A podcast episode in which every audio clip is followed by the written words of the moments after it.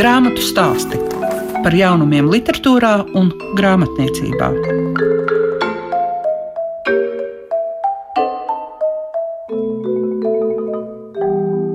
Šīs dienas grāmatu stāstos jūs varēsiet dzirdēt par Dienas Zoldneres grāmatu Sniegā, kā arī atvērsim gulbja spārnus, kas ir grāmata par telnieku Aivaru Gulbi. Kopā ar jums Liega Piešiņa. Grāmatu stāsti programmā Klasika. Apgādā zvaigznes ABC ir iznākusi grāmatas sniegā. Ja jums, Dina, pašai ir jāpasaka, kas tas ir par žanru? Nu, man ir grūti noteikt to žanru, jo es zinu, ka arī Bārbalai Simpsonai tas bija grūti izdarīt. Nu, es teiktu, ka tas laikam ir piedzīvojuma un fantāzijas žanrs. Nu, tur ir arī mīlestības stāsts iekšā, un arī tas varētu arī nedaudz kā detektīvam būt līdzīgs. Nu, es domāju, tas ir tāds uh, manis radīts žanrs, varbūt tā jā jāsaka. Katrā ziņā izlasot šo grāmatu, un es izlasīju vienā elpas vilcienā. Jāsaka, man bija tā priekšrocība, ka tā bija brīvdiena, un es varēju viegli atlikt visus citus plānus. Man tieši šī caur fantāziju un it kā nerealitāti izteiktās realitātes sajūtas man bija ļoti, ļoti būtiskas. Pateikt to, ar ko negribas skriet pie citiem un teikt, ka tā pasaules kārtība nav īsti tā, kā nākas. Tā arī varētu teikt, vai jā, ne? Protams, jā. Es domāju, ka tur ir ļoti daudz var savilkt ar mūsdienās notiekošo, ja šajā grāmatā. Protams, tas it kā notiek kaut kur citur, bet nu, tas zemteksts, es domāju, ka viņš ir nolasāms. Tiešām, jā, ar mūsdienām. Lai gan interesanti, ka grāmata nav rakstīta pēdējā gadā, tad, kad es viņu rakstīju, tad nebija vēl šī situācija ar pandēmiju, un īstenībā nu, neko tādu mēs pat negaidījām. Jā. Jūs esat konkursa laureāti. Jā, tas bija konkurss, kas bija tieši detektīva romāna un romantisko romānu konkurss. Es eh, vairākas reizes pārlasīju to nolikumu, bet um, es biju pārliecināta, ka šis darbs neatbilst gluži ne tam vienam, ne otram žanram. Bet tad es ieraudzīju, kā vienmēr, tādu piebildi maziem burtiņiem uzrakstītu, nu, kur bija rakstīts, teiksim, ja komisija uzskatīs šo darbu par vērtīgu un komisijai patiks, tad, ja darbs nebūs īsti žanrā, tomēr var piedāvāt šo darbu publicēt. Un tā es saņēmos un aiznesu uz to konkursu, un tāds ir tas rezultāts. Tad, kad jūs sākāt rakstīt šo sniegā, vai jūs bijāt to vairāk domājis kā šo mīlestības romānu vai šo fantāzijas? Kas jums tajā sākotnējā situācijā pašai likās tas? Būtiskākais, par ko būs šis sniegā, vai par ko ir šis sniegā? Ziniet, ir tā, ka tā doma īstenībā radās, es teiktu, ne pagājušajā gadā, ne aizpagājušajā gadā, viņa radās jau senāk. Es atceros to gadījumu, kas man it kā to galveno domu, kas izvīs cauri tam romānam sniegā, man tā doma palika ļoti būtiska. Man ir tā, ja man kādi jautājumi rodas, man ļoti būtiski ir uz viņiem atbildēt pašai priekš sevis arī. Manā paziņu lokā ir arī tādi cilvēki, kas interesējas par ezotēriku Ameriku. Un kādā tādā sarunas laikā es atceros, ka man stāstīja tādu pieņēmumu, ka varētu notikt tāda situācija, ka mēs ka it kā esam tajā lūzuma momentā mūsu vispār planēti. Un varētu notikt tāda situācija, ka teiksim, vienai daļai cilvēku ļoti paaugstināsies viņu garīgā enerģija, vibrācijas, un otrai daļai atkal nē, viņi būs kā uz materiālo pusi tendēti. Un tad varētu būt, ka šīs sabiedrības tā kā pašķirsies, pilnīgi izveidosies it kā divas pasaules pasaules. Un es ļoti ilgi par šo jautājumu domāju, man tas kaut kā aizskāra. Pirmkārt, es domāju, vai es vispār gribētu šādā situācijā dzīvot. Jo, un teiksim, kurā pusē? Jā, un kurā pusē palikt. Un, teiksim, ja es izšķiros no saviem bērniem vai no saviem vecākiem, vai varbūt man ir bērnības draudzene, kur ir pavisam materiālistiski dotajā brīdī noskaņot, bet mums ir kopīgs kaut kas cits. Mums ir šī pagātne, kad mēs bijām līdzīgi. Vai varbūt mani bērni ir tik ļoti garīgi attīstīti, bet es taču varu viņiem pusdienas uztaisīt, varu viņiem viņiem drēbes izmazgāt. Un vai tiešām var tā būt? Un kurš tad novērtēs tos cilvēkus? Pēc kāda kritērija tad vērtēs, kurš būs tas garīgais un kurš ne, kurš būs tas labais un kurš sliktais? Un vai vispār var novērtēt, vai mēs zinām, ko mums dzīve piedāvās nākošajā brīdī? Mēs varbūt par sevi varam domāt, esam ļoti augstās domās, bet mēs varam nonākt situācijā, kurā mēs pilnīgi atklāsim sevi no citas puses. Kā tad vispār var novērtēt? Tas ir absurds. Un šī doma par to, ka nevar būt būtībā cilvēki novērtē, ka nav neviena, kas varētu noteikt, lūk, tu esi labs, bet tu esi slikts. Tāds kriterijs nav iespējams. Šī doma arī radīja, ir pamatā visam šim romānam tieši šī doma. Vai ir tā, ka varoņi mainījās no labiem, kļuva par sliktiem un otrādi rakstot gaitā? Ziniet, jā, ir tā, ka varoņi ļoti bieži mani paši pārsteidz. Nu, tas nenozīmē, ka es, teiksim, nezinu tā varoņa stāstu. Protams, es zinu, bet viņi sarežģījās, viņi paliek savādāk. Un eh, šī grāmatā, jā, tā ir ar dvīni, kas man arī bija pārsteigums. Bet es domāju tā, ka pirmkārt jau rakstnieks, nu vai, teiksim, es rakstot, attīsta to sižetisko līniju, bet otrkārt tu it kā sevi iedziļinies, tu ļoti iedziļinies sevi, jo kur tad tu ņemsi tās emocijas? Ja tu vēl tēlu vari noskatīt kādu dabā, kādu interesantu cilvēku, tad emocijas jau tu vari tikai sevi atrast. Un man liekas, ka dēļ šī padziļinājumu, pat cik tu sevi iedziļinies. Ļoti. Arī ir tas, ka varonis tev var pārsteigt, jo tu par sevi pēkšņi uzzini kaut ko. Jo man jau ļoti gribētos teikt, ka es sevi asociēju, pieņemsim, ar Diānu, vai labi, labi, ne ar Diānu, tad vismaz ar Dvīni. Bet es jau esmu arī Trejkungs. Tas ir jāsaprot, ka tas, kas ir rakstījis romānu, viņš ir visos tēlos, viņa tās uh, daļas ir visur. Man liekas, tāpēc tie varoņi var pārsteigt uh, pašu rakstnieku. Ja, ja tā ideja jums radās ātrāk, kā jūs un cik ilgā laikā jūs reāli to grāmatu uzrakstījāt?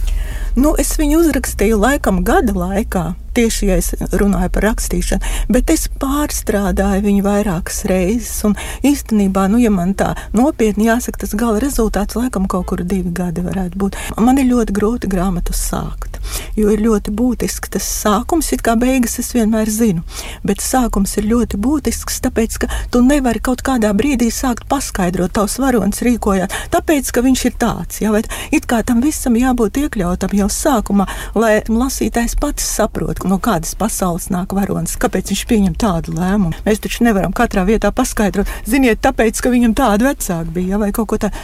Un tāpēc ļoti grūti man ir romānu sākt. Un arī to kopējo kompozīciju dabūt, to, ka tev ir skaidrs, ka visas tās līnijas ir atrisinātas. Tāpēc, nu, es varu teikt, ka kādi divi gadi apmēram. Cik daudz tajā ir no jūsu pašas piedzīvotā vai no jūsu atmiņām? Tas jautājums ir arī tāpēc, ka tas, ko jūs rakstat par konfektēm un vētras putnu, tas man arī mudināja paskatīties uz jūsu dzimšanas gadu un saprast, ka mēs esam vienaudas un tās atmiņas par Ziemassvētkiem un šokolādes konfektēm ir ļoti daudziem kopējs.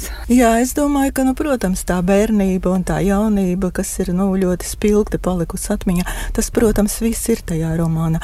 Arī tā vecpilsēta un tā kā cilvēki dzīvo tajā vecpilsētā, tā personiskā varbūt attieksme vienam pret otru. Nevis, teiksim, tagad mēs ejam veikalā. Tas ir tik bezpersoniski. Tur daudz ir no manis. Nu, būtībā no kurienes tad lai es ņemu, vai nekā nenosēju. Man bija tāda sajūta, ka jums ir ko teikt par cilvēkiem, kuri izlemj likteņus, bet ka jūs arī tajā pašā laikā vislabprātāk tomēr caur fantāzijas žanru mēģinat pateikt savu attieksmi. Jā, par cilvēkiem, kas izlemj, tas arī ir tāds no personiskās pieredzes ņemts, jo mēs jau ļoti ilgu laiku, piemēram, bērnībā, jaunībā, arī nokļūstot eh, nu, kādā darba vietā, kas mums ir būtiska, mēs esam atkarīgi. Un ļoti bieži tā mūsu atkarība, nu, teiksim, bērnībā tu neko nevari darīt, kādos apstākļos tu dzīvo dzīvo, kāda ir tava vecāka, tā viņi arī nosaka tavu dzīvi. Un, teiksim, vēlāk tu it kā vari izvēlēties.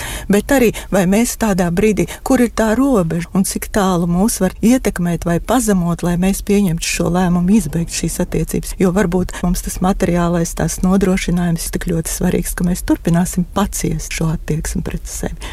Šī ir jūsu ceturtā grāmata. Un jāsaka godīgi, ka es neesmu iepriekšējās arī lasījusi aizvadītajā gadā augotņi Latvijas mēdī medijos tā ir gluži cita žanra grāmata. Tas ir sadzīves žanrs, bet psiholoģisks romāns. Tur ir ģimene, kur ģimenes galva tēvs ir tāds emocionāls, psiholoģisks varmāka. Viņš pret saviem bērniem viņam ļoti tāda, nu, būtībā viņš iznīcina, es domāju, šiem bērniem dzīvi tādā vai citādā veidā.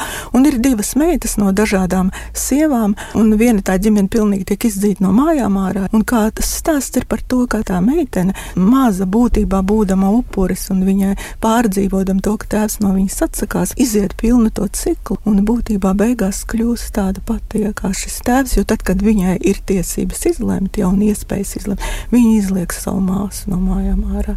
Tāds ir tas stāsts. Tā kā, zināmā mērā viņš arī ir par līdzīgu tēmu. Un cilvēki tāpat meklē to atrisinājumu un meklē to nu, teiksim, sevi un to sapratu. Un ir arī šis izvēles jautājums, ko tu izvēlējies.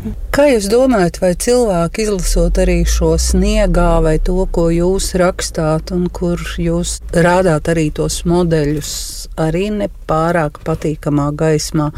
Vai tas palīdz cilvēkiem saka, izvērtēt savu situāciju un savu uzvedību? Nu, es domāju, ka lielai daļai, protams, jo ja tam cilvēkam ir jautājumi, un ja viņš jau domā, tad es domāju, ka šī grāmata noteikti viņam palīdzēs. Un cilvēks noteikti atradīs tādu domu biedru šajā grāmatā. Jo man ir arī nu, zināmi cilvēki, kas tiešām eh, sniegā ir izlasījuši vienas nakts laikā, ja ir pilnīgi nu, tā no vienā elpas vilcienā.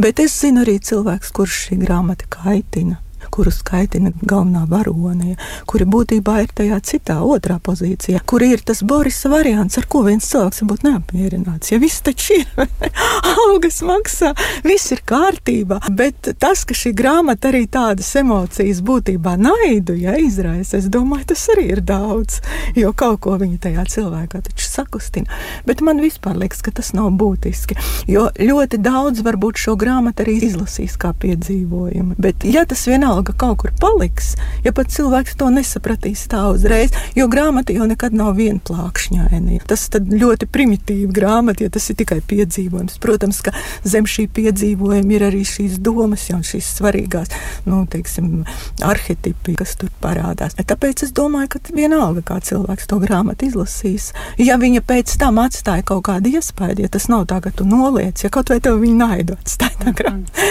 es domāju, tas vienalga ir labi. Kādas jums līdz šim ir bijušas attiecības ar fantāzijas žanru? Fantāzijas žanrā es tev pašlaik rakstu, bet es neesmu rakstījis pirms tam, jo es jau neesmu dzimusi rakstniece. Tas man pašai ir pārsteigums, ka es rakstu. Es rakstu ļoti nesen, nu kādas septiņas, varbūt astoņas gadus, ne vairāk.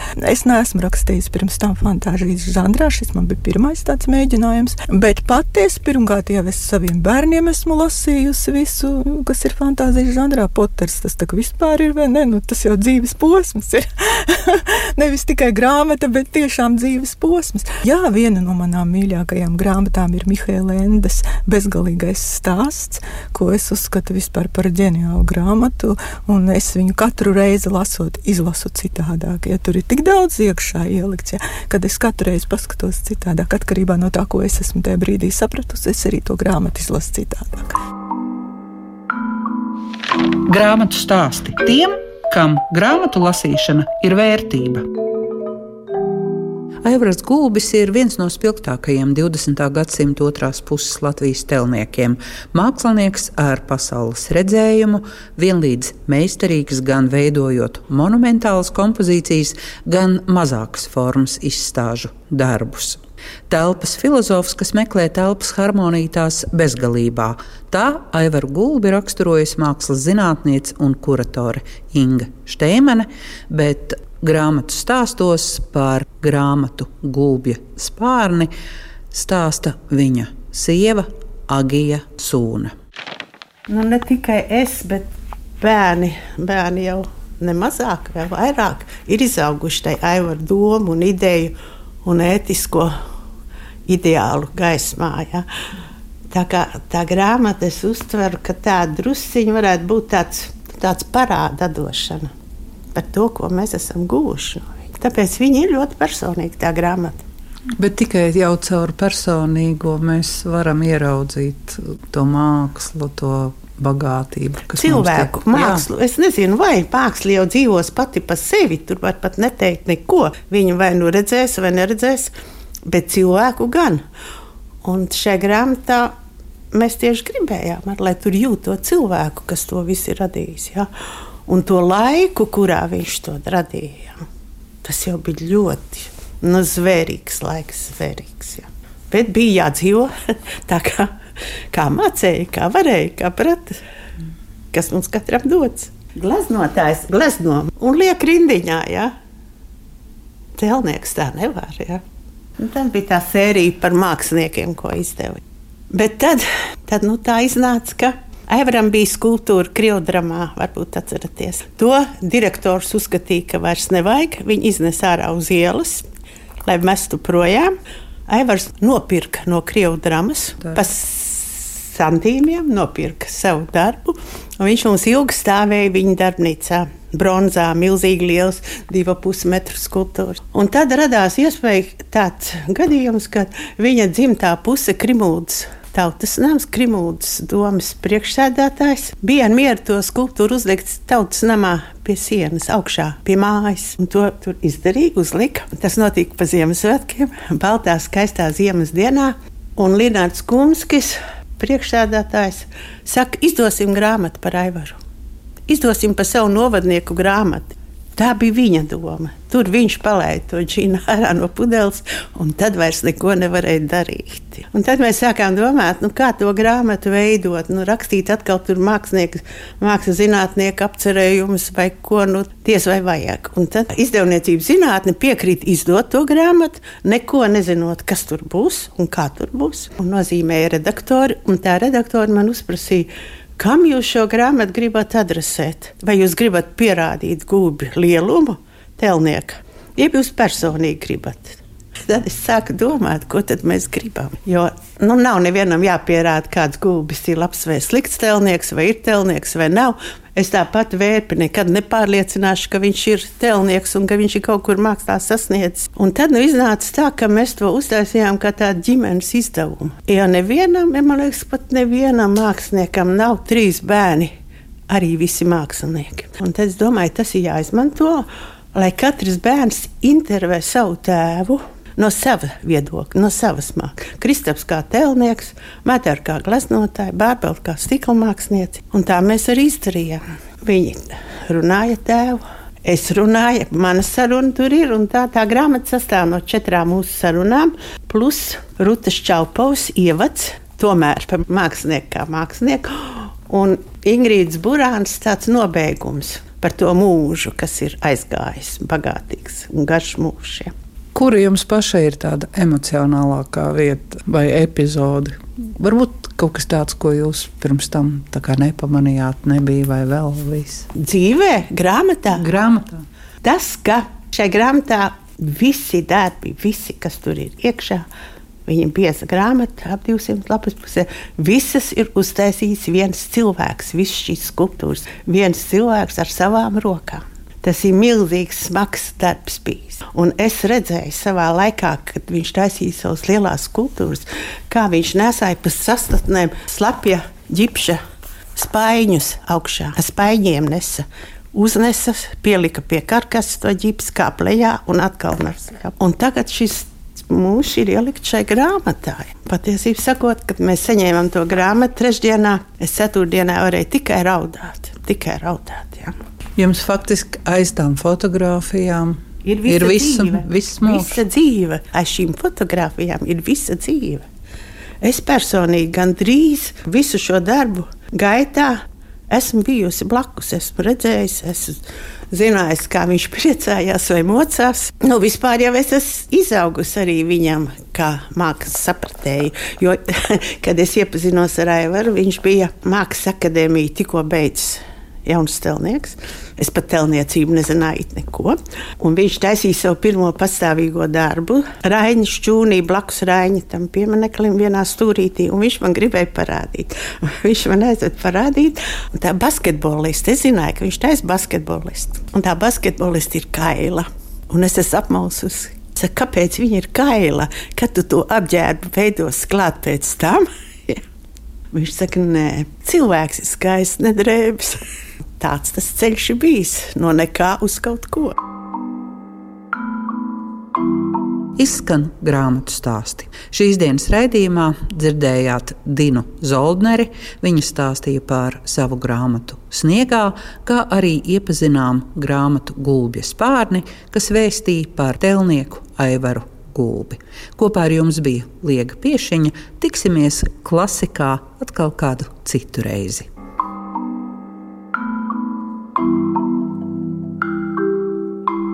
Grāmatu stāsti par jaunumiem literatūrā un grāmatniecībā ik trešdienu, 9.5.